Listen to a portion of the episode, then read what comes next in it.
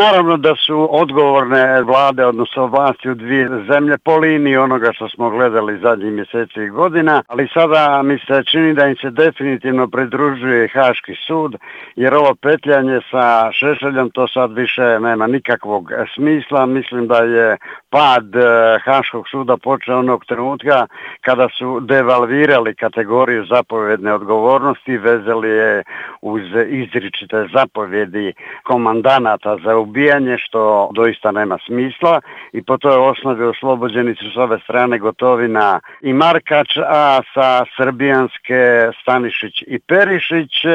Spekulira se čak da se ovo petljanje sa Šešiljem događa jer bi i on mogao trebao doći pod bonitet tog ublaženog shvaćanja zapovjedne odgovornosti, pa im se to baš ne da, pa ne znaju šta da rade i tako dalje i tako dalje. U saopštenju vlade Hrvatske pominje se naravno paljenje zastave Hrvatske, međutim mhm. pominje se takođe i da su vredljive izjave visokog zvaničnika srpske vlade, gospodina Aleksandra Vulina. Pa objektivno one stvarno jesu. Ja ne kažem da iz Zagreba nije došlo povoda za reakcije, pa još trebalo ovo je prešlo neke neke granice, mislim da ono ispada izvan e, kodeksa elementarnog diplomatskog e, diskursa.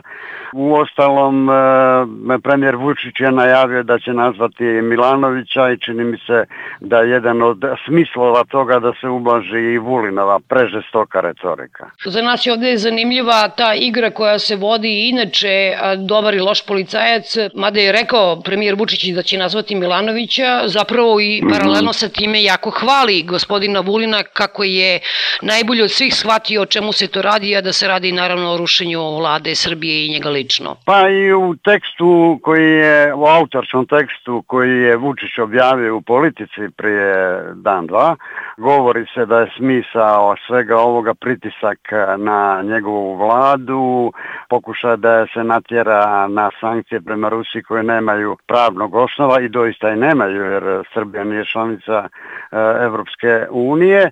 Tako da je jasno da Vulin nije solirao, nego da je govorio po ovlasti Vučića, ali znate kako to ide, mislim e, ovlasti su malo širi pojam, mislim da je Vulin ipak pretjerao u retorici i neću tvrditi, ali mislim da je upotrebio riječi koje Vučić ne bi upotrebio.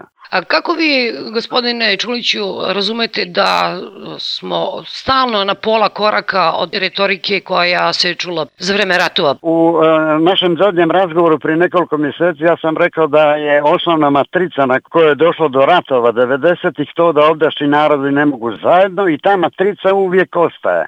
Ona se nekad malo ublaži, ona se nekad malo modificira, ali ona ostaje baš zato što služi tome da kada jednoj ili drugoj ili objema stranama zatreba da iz unutrašnjih političkih razloga zaoštre međusobne odnose i onda se obnavlja retorika, evo vidite šta nam rade, evo vidite s kim mi imamo posla i tama za tome služi i ona se beskonačno ponavlja i sad i gledamo. Nas dvoje obično razgovaramo kad su ovako ekscesne neke situacije, međutim u vremenu. Kako izgledaju srpsko-hrvatski odnosi po vama? Oni očito povremeno imaju uzlazne linije. Međutim, e, u njihove međusobne odnose očito ugrađena nekakva konstrukcijska greška koja ne da da se stvari pomaknu. Ne znam, evo možete pogledati sve, sve kombinacije tipova vlasti vlasti u Hrvatskoj i su isprobane. S jedne strane nacionalisti, s druge strane formalno nenacionalisti, pa nenacionalisti i nenacionalisti. Sad imate e, zadnje, e, nacionalisti u Beogradu i nacionalisti u Zagrebu, koji su djelomično već došli na vlast, a najvjerojatnije će koncem godine i sasvim doći na vlast. I evo, mi sad gledamo da ni to neće uspjeti. Pri tome i ti nacionalisti devalviraju jedan akcijom koji nije baš bez osnova, a to je da kad takvi dođu na vlast, oni se komotnije ponašaju tim patriotskim, e, delikatnim e, patriotskim temama zbog toga što ih kritika kod kuće ostavlja nedirnotim. Oni su naprosto patrioti, oni mogu sve. Oni mogu i poboljšavati odnose sa dojučerašnjim protivnicima prema neprijateljima, jer su se oni dokazali već godinama i godinama, dijelima i riječima, da su pravi istinski patrioti. E sad ove sve e, trenutne vlasti u Srbiji i Hrvatskoj uništavaju i jezgro tog nekakvog aksioma kome govorim o tim patriotima cijepljenim od e, većih patriota od sebe. Da li biste mogli da mi napravite neko poređenje između e, odnosa koji su imali bivši predsjednik Tadić, ne samo kao predsjednik, on je tada bio i predsjednik vlade i sve, kompletna vlast u Srbiji, sa svojim partnerima, pre svega sa Ivom Josipović, i sadašnji odnosi vlasti Srbije i Hrvatske? Pa to je isto dosta važno jer eh, ovi sadašnji incidenti između Beograda i Zagreba donekle rehabilitiraju Tadića i Josipovića koji su imali dobre ceremonijalne, čak i predobre, tu je bilo previše eh, srdačnosti ovoga onoga, gotovo pa ljubljenja, ali su bile neproduktivne sa stanovišta praktičnih pitanja od ovoga što se cijelo vrijeme obnavlja, pitanje nestalih, pitanje granica, međusobnih obeštećenja za konfisiranu imovinu i tako dalje.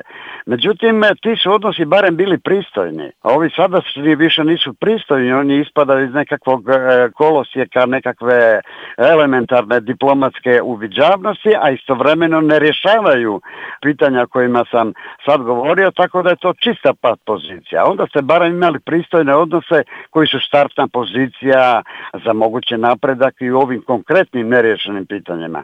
A kad se sve zablokira kao sada, onda vi ne vidite više perspektivu. Kad ste pomenuli ta konkretna pitanja, to je nevrovatno da Srbija još uvijek nema ambasadora u Hrvatskoj. Naravno, to nije jedini način na koji bi mogli da se pokrenu ta pitanja koja su nerešena, koja su konkretno, kojima više niko ne govori, a to je pitanje pitanje granice na Dunavu. Ja vjerujem da ogroman broj građana Srbije uopšte ne zna da postoji taj problem nestalih. To je isto i ovdje. Kad se aktivira onda odjedanput put svima o tome čvrstava, niko nema pojma o čemu se tu zapravo radi. To je pitanje gdje povući granicu, da li sredinom rijeke ili ne. Rijeka je neposlušna, ona mijenja tok i tako dalje. Gotovo je jedna malo parodična situacija. I na kraju, gospodine Čuliću, sami ste napomenuli da postoji velika šansa da HDZ kompletno dođe na vlast, tako da kažem, a ne samo preko svoje predstavnice na mestu predsjednice Hrvatske. Šta onda možda može da se očekuje i ovdje u regionu, a i kod vas u Hrvatskoj? Pa nažalost, e, postoji ovdje jedna usporednica, tako je napravio Sanader kada je došao na vlast, međutim postoji jedna bitna razlika, to je bio jedan cilovit, ali kratko je trajen nacionalistički juriš koji je kulminirao na poznatim zbivanja Splitskoj rivi. E, ovo sad predugo traje ovo traje godinama.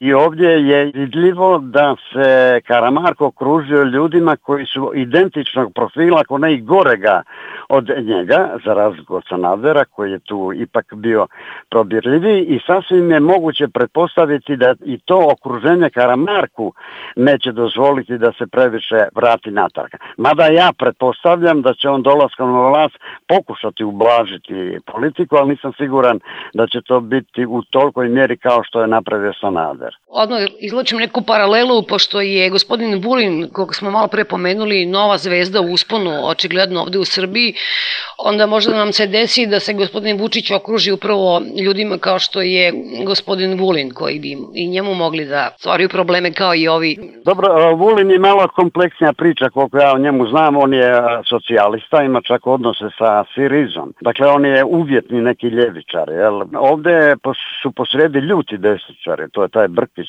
Čuljac i tako dalje, cijela jedna struktura koja je zapravo proizašla iz e, policijsko-obavještajnog milija. I ona se tako u politici ponaša. Tako da trenutno HDZ izgleda kao nekako političko krilo neke obavještajne policijske službe. To se malo teže mijenja, to nije lako.